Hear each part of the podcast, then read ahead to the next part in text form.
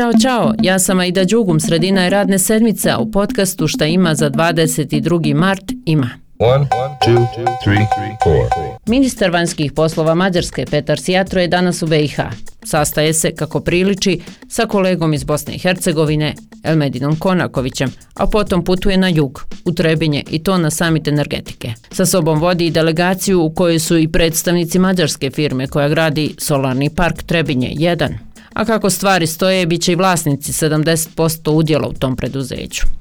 A kako je mađarska firma dobila taj posao?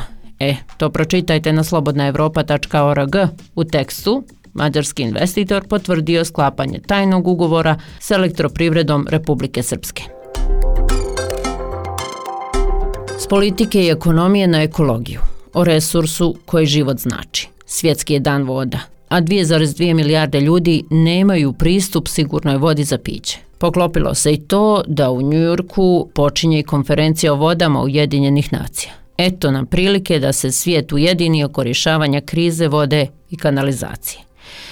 A voda je jedan od najznačajnijih resursa u BiH. Kroz nju teku 262 rijeke koje vape za zaštitom. Ljudi ih uništavaju na razne načine, a kako ih tretiramo govori aktivista iz Goražda Mirsad Kadrić samo za izradnju hidroelektrana i kolektor otpadnih voda i dok god se ne promijeni svijest građana kao građana mi nećemo moći imati naše rijeke koje trebaju da budu čiste i koje ne trebaju slušati toj svrsi. Mi imamo rijeke otpada koje završavaju u rijekama i samim tim je to dovelo do stanja da imamo zagađene rijeke. Znači mi pijemo drinu, ali smo i svjesni smo da je pijemo, ali džaba opet idemo prema toj rijeci, bacamo plastični otpad, bacamo kali, bacamo sve ostalo što ne bi trebalo da bacamo. Koliko je bitna prevencija bubrežnih bolesti, donorstva i transplantacija?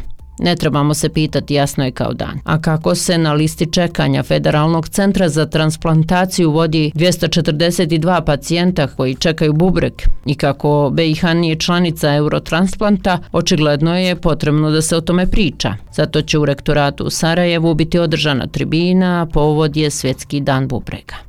Adela Čomić, koordinatorica donorske mreže u BiH. Nažalost, u Bosni i Hercegovini je više od oko 3000 e, pacijenata koji imaju trajno zatajenje bubrega i koji su svakog drugog dana svog života na dijalizi.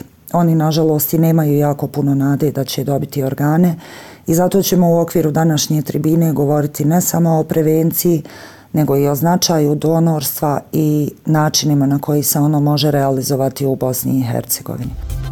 I da znaju oni koji su još skeptični u vezi sa donorstvom, sve tri religije smatraju doniranje organa najuzvišenijim humanim činom i činom solidarnosti. E kad smo već kod vjere, počinje Ramazan, To je mjesec kada vjernici poste od zore do zalaska sunca. Muslimani vjeruju da su tokom mjeseca Ramazana poslaniku Muhamedu objavljeni prvi ajeti Kur'ana prije više od 1400 godina. E sada je Leila tu sa nama, pitala bih je koje je draži, Beatles ili Rolling Stonesi. Prirodna podjela, ja vjerujem da bi ona rekla Stonesi, ta je tip, ili bi samo meni išla u kontru. Ali Beatlesi su za mene number one forever. E, dragi moji, prije tačno 60 godina. Beatlesi su objavili svoj prvi album, Please Please Me. Taj album proveo više od 30 sedmica kao najslušaniji i zaovijek promijenio svijet pop muzike. I danas je poznat kao jedan od najboljih albuma ikad. I ovdje ću stati. Pozdraviti vas do sutra i do slušanja.